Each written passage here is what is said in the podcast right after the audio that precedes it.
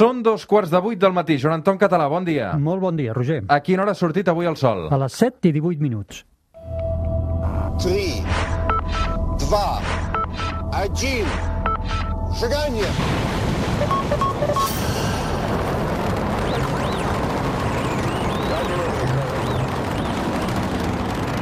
One small step for man, one giant leap for mankind.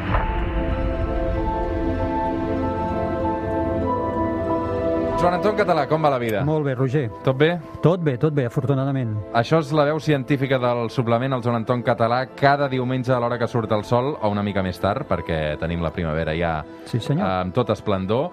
Parlem d'astronomia, parlem de ciència, parlem de física, parlem de química, quàntica fins i tot, una mica de tot, amb un home, el Joan Anton Català, que ja ho sabeu, té un munt de llibres publicats, l'últim 100 qüestions sobre l'univers, eh, que sí, expl- no és l'últim aquest, no és l'últim. És el 100 històries de l'aventura espacial. Clar, és que en tens tants, Anton, que jo ja m'he perdut. No. Jo els tinc, els tinc És el, tots. és el que... Ho sé.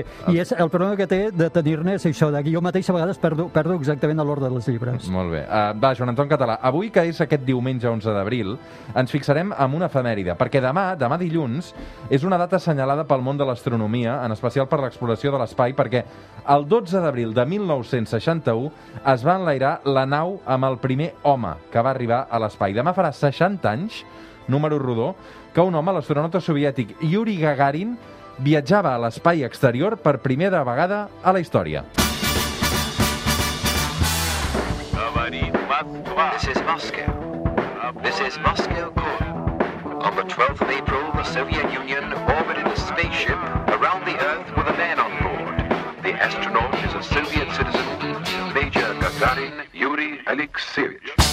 Avui a la Terra es plana ens fixem en la història de Yuri Gagarin, 60 anys, 60 anys del 12 d'abril de 1961, la data en què es va enlairar la nau amb el primer home a bord era un rus, un soviètic, Yuri Gagarin, amb aquesta banda sonora fantàstica dels Public Service Broadcasting, dedicada precisament a aquest astronauta.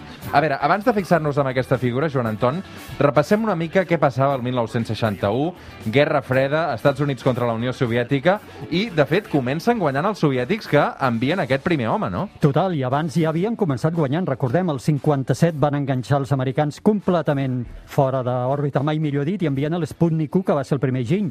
Sense deixar-ho respirar, al novembre del 57 envien la Laika, primer ser viu a l'espai. Els americans nerviosíssims, els hi va costar molt, molt, molt reaccionar, estaven sentint una humiliació i, a més, un perill pel lideratge soviètic, i eh, allà va arribar Kennedy, el 61 arriba Kennedy, allà van començar a canviar les coses pels americans, pel programa espacial americà, però t'haig de dir, i ho he explicat alguna vegada en el programa, que Kennedy no era un convençut del tema de l'espai.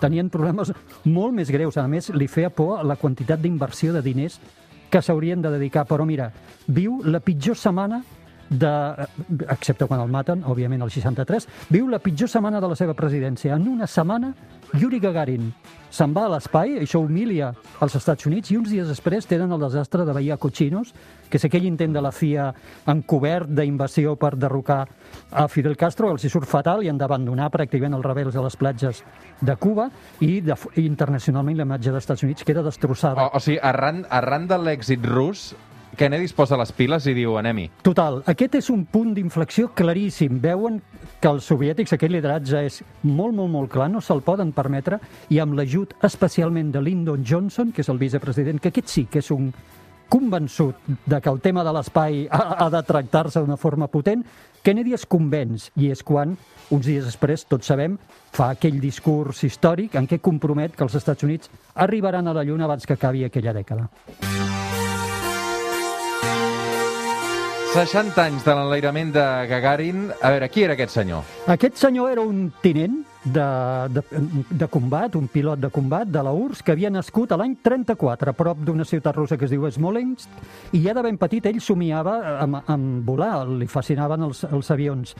A començaments de la dècada dels 60, els soviètics creen el seu primer grup d'astronautes. Són 20 persones, a diferència dels americans, que el seu primer grup és 7, aquests 20 persones, els, seus primers astronautes, tots ells pilots de combat de l'aviació i Gagarin comença a destacar immediatament dins aquest grup. Se'l reconeix com una persona de caràcter tranquil, afable, és molt, molt, molt de relació, és molt reflexiu i els psicòlegs parlaven meravelles d'ell, deien que destacava la seva gran memòria i el detallisme, com es fixava en els detalls. Sang freda, eh? Sí, sí, total, total. Sang freda de la Guerra Freda, també, no?, d'alguna manera. exacte. El van escollir ell també precisament per això, per, per aquesta ment tan privilegiada, per aquest saber estar? Sí, aquest va ser una de les grans parts. Fixa't que fins i tot van fer una votació entre els seus 20 companys, una votació secreta, on ells es votaven entre ells mateixos i deien qui ha de ser el primer. I et podies votar tu mateix o no? No, això ja no ho sé.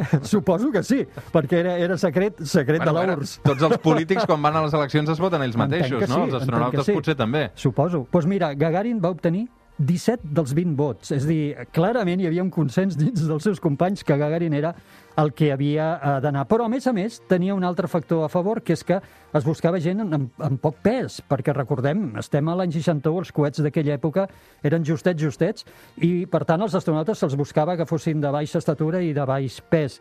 El Gagarin tenia només 1,57 d'alçada, eh? i per tant era un candidat, en, en tot això era el candidat òptim i el van escollir. L'escolleixen amb ell i el seu company German Titov, que és el substitut. El substitut és una persona que no s'ha d'enlairar, però estan allà i s'entrena i s'aixeca el mateix dia i tot plegat, per si a Gagarin li passa alguna cosa i no pot enlairar-se. Gagarin va ser el pilot escollit per a un vol històric i no estava tan clar que anés tot bé per culpa del coet, Joan Anton. Què li passava a aquest coet? Eren, cue- eren coets molt, molt limitats, ara, ara, ara t'explicaré, però mira, per començar, era eh, les xifres, ai, perdó, les sigles és un 8K72, i això ens diu poc, la càpsula s'anomenava Vostok 1, però el curiós, el més rellevant potser d'aquest coet és que s'assemblava molt al Soyuz, el coet Soyuz, que tenim ara i que és el que va enlairar, per exemple, el, el nanosatèl·lit català Enxaneta mm. fa molt poc. Eh, òbviament és una versió... Amb 48 hores d'endarreriment, però sí. I, I molt bé que el van enlairar.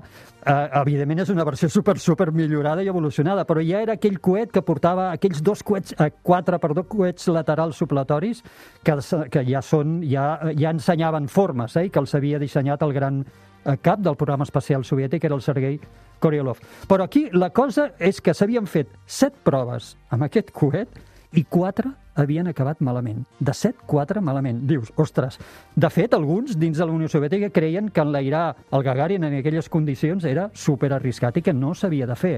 Però a l'altra banda de la balança, la URSS tenia els Estats Units, els tenien allà apretadets, apretadets, i sabien que si eh, feien aquest enlairament i els hi anava bé, no només colpejaven l'orgull dels Estats Units, sinó que ells pensaven que això tindria un efecte estratègic mundial, que hi hauria països que estaven dubtant en aquell moment cap a quin costat girar els ulls, si cap a l'est o cap a, o cap a l'oest, i que aquest lideratge soviètic a l'espai podria fer que hi hagués països que s'ho repensessin i, d'alguna forma, miressin cap a l'est i s'alineessin amb les, amb les tesis soviètiques, amb el pacte de Varsovia, etc. Fa 60 anys, aquell 12 d'abril del 1961, des d'on es va enlairar Gagarin amb aquest Soyuz? Baikonur, eh? En sona, eh? En sona perquè és des d'on es va enlairar la l'enxaneta. Exacte. I és on Això és el, el Kazakhstan, no? Kazakhstan, sí, sí. Però a aquella hora, aleshores, territori de la Unió Soviètica. Exacte, a més, molt al sud, això ja va bé per enlairar coets, ara, la, ara diríem Rússia té un problema estratègic gravíssim amb això, perquè ja no és Rússia, és Kazakhstan, però deixem-ho estar. Doncs a Baikonur, i van despertar Gagarin i a Titov a dos quarts de sis d'aquell 12 d'abril del 61. Van esmorzar, els van començar a preparar i va ser llavors que es produeix una anècdota d'aquestes que recullen aquests 100 històries de l'aventura espacial i que són xulíssimes de, de saber, que és que l'estaven vestint, el Gagarin, i algú se'n dona compte de que no porta cap emblema en el casc i de que ben bé el podrien confondre amb un astronauta americà, que recordem no havien anat a l'espai encara els americans, i cuit i corrent decideixen pintar-li amb color vermell, per suposat, les lletres CCCP, que això en rus significa Unió Soviètica, al casc. I es va enlairar. I es van enlairar. Es van enlairar a les 9.07 hores de Moscou. Uh, en aquell moment li mesuren el pols a Gagarin i es dispara fins a 150 pulsacions. Era el primer cop que algú anava a l'espai, per tant, el primer cop que li mesuraven les pulsacions en algú que s'enlairava cap a fora. Uns minuts després, aquesta càpsula Vostok 1 entra en òrbita, que eh, en una òrbita, diem que l'altura en el seu punt més baix era de 169 quilòmetres. I d'allà veu la Terra i fixa't, i tu ja podríem haver cridat un munt de coses per descriure aquella visió que devia tenir, però el tio, amb la seva super sang freda, només diu preciosa. Imagina't, de totes les coses que podria haver dit, diu preciosa.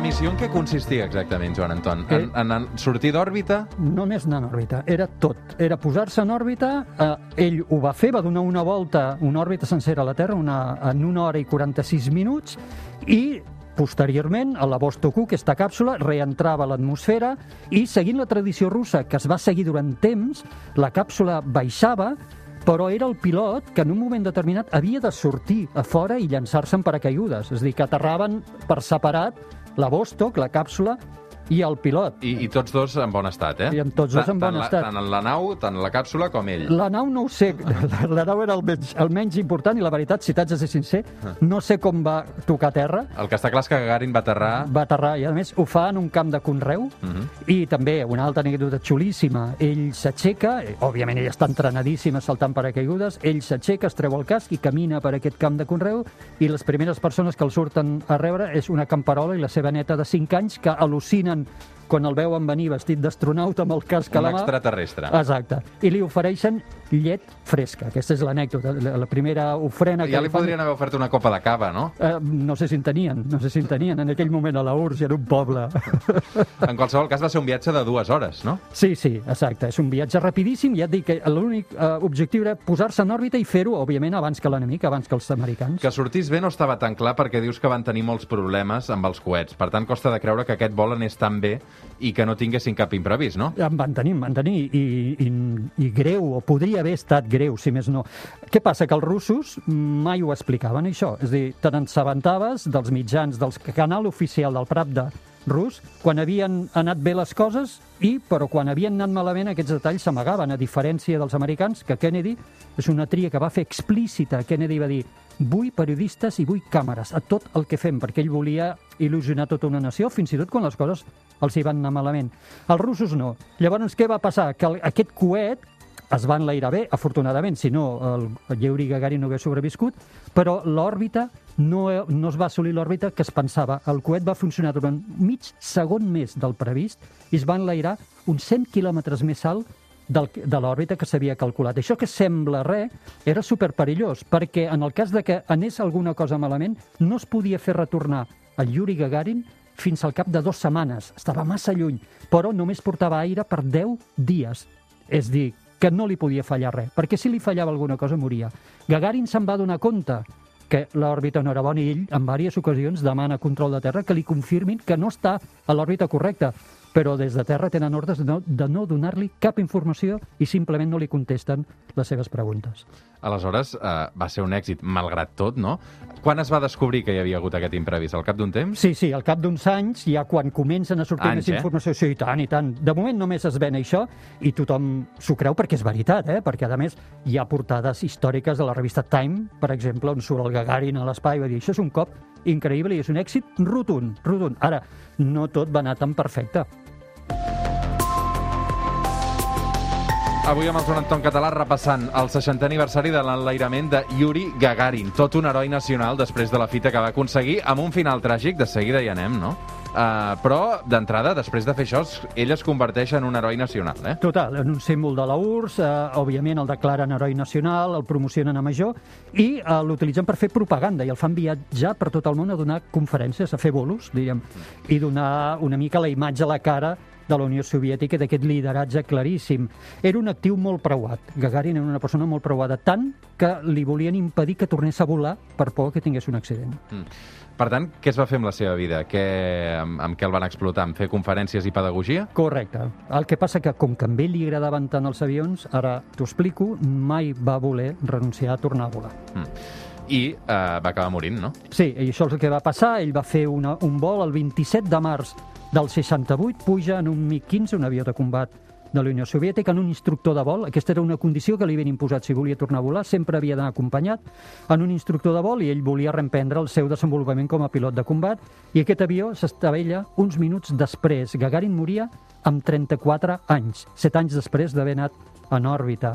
Va ser un cop increïble pel país. I gent plorant pels carrers. Bueno, no et pots arribar a imaginar, els que hem llegit una mica la història d'aquest home, un cop brutal, perquè el tenien realment com un heroi. I com que era un tio humil, era molt, molt, molt estimat. El va plorar tothom, i a pesar fins i tot de la rivalitat amb els americans, la mateixa NASA envia un famós telegrama que més o menys diu ens unim amb la pena per la pèrdua de Yuri Gagarin, res podrà esborrar la memòria del seu assoliment en ser el primer pilot en anar a l'espai.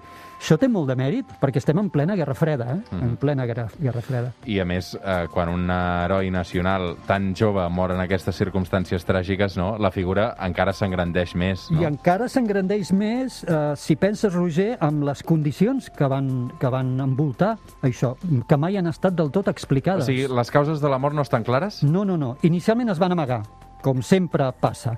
Eh, Simplement vam saber que s'havia estavellat, el món va saber que havia mort en un accident, però mai es va donar detall d'això. Això què va fer? Doncs eh, teories conspiranoiques a, a dojo. Clar, la gent va començar des de que anava begut a que eh, van veure uns eh, cèrvols i es van despistar. Fins i tot n'hi ha una altra teoria d'aquestes ja super, que els ETs eh, el van voler, se'l van voler endur. Mm. També que els serveis, se- els serveis secrets soviètics el van eliminar perquè el pensaven una persona amb un coneixement del programa espacial soviètic massa elevat com per deixar-lo anar per ahí se'l van voler carregar, però la qüestió, la qüestió és que una vegada, anys després, es van descalificar ja els documents secrets de la URSS, es va veure que probablement la causa és un mal control, una errada en el control aeri, en l'espai aeri d'aquell lloc, perquè un altre avió de combat eh, hauria passat a metres de distància del MiG-15 i, havia, i hauria fet caure en barrena en aquest MiG-15. Eh, ja et dic, però es va amagar tot i mai s'ha donat, per exemple, la informació de, de qui era el pilot d'aquest altre avió de combat o qui estava a càrrec del control de l'espai aeri. Mai s'han donat, mai s'han donat detalls sobre això, en la qual cosa encara hi ha un cert misteri. Eh? Sí, com sigui una figura que 60 anys després continua sent reconeguda, respectada i referència eh, i inspiració sobretot per l'exploració espacial, no? Sí, sí, fixa-t'hi, quan Armstrong i Aldrin arriben a la Lluna, entre molts altres símbols, hi deixen medalles commemoratives als camarades soviètics morts, Yuri Gagarin i a Komarov, Komarov amic íntim de Gagarin, aquest sí que va morir l'espai eh, en el Soyuz 1, eh? moria l'any 67, Komarov. I eh, sempre que els astronautes enlairen des de Baikonur, de la, des del Kazakhstan, ara ho comentàvem, i ho fan sempre que pugen a l'estació espacial, segueixen les tradicions que marca que va fer Gagarin. Per exemple, planten un arbre en una avinguda que hi ha, que és on hi ha l'arbre que va plantar el Gagarin i aquest arbre encara és viu. Van al perruquer el dia abans, visiten la tomba de Gagarin i li fan ofrenes de flors vermelles a les parets del Kremlin. I es diu, es diu, que els astronautes masculins aturen el bus que els porta al lloc de llançament i orinen a la roda posterior dreta, igual com es diu que va fer l'heroi. Es fan pipí a la roda posterior dreta, m'estàs Això, dient? sí, això és el que va fer Gagarin i es diu que aquesta tradició segueix viva i que molts, no sé si tots, pocs, diuen que molts astronautes masculins segueixen aquesta tradició, aturen el bus i fan pipí És a la ben bé roda. que, que el karma i, no? Les tradicions... Que es juga la vida, també. Sí, Sí, sí. I llavors suposo que tot aquest ritual, no? Dius, a veure, qui se'l salta? No, jo, jo saps què? Jo no me'l saltaré, deuen pensar. Jo, jo no seré qui me'l salti.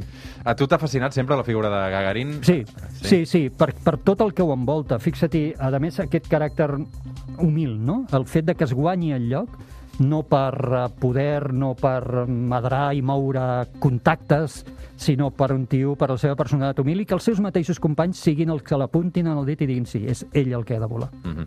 Yuri Gagarin, avui un clàssic també de l'astronomia amb el Joan Anton Català. Què hi passarà aquesta setmana si fem un cop d'ull al cel, Joan Anton? Doncs demà hi tenim lluna nova, això és excel·lent per gaudir de cel fosc si els núvols ens deixen durant els propers vespres. Seguim tenint aquell gran triangle de tres objectes ataronjats, Mart i dues estrelles, el Debaran i Betelgeuse, que és un triangle que s'ha anat obrint i ara és més cridaner, de color taronja, i a l'est, abans de la sortida del Sol, Júpiter i Saturn, que s'enlairen cada dia més. Mm. Doncs això és el que hi trobarem aquesta setmana al cel, demà lluna nova, eh, excel·lent per gaudir d'aquest cel fosc, ara que, precisament, no, els dies s'allarguen tant, tant, tant, perquè quarts de nou encara hi ha llum natural, Sí, i això, sí. Joan Anton, ja sé que a tu no t'agrada, però molts encara sí, eh? No, a mi també m'agrada des del Sí? punt de vista... Sí, home, la llum ja sabem que és un activador de la moral i a mi també m'agrada. El que passa que, clar, els que volem observar el cel doncs ens fa esperar una mica més tard, però paga la pena, paga la pena.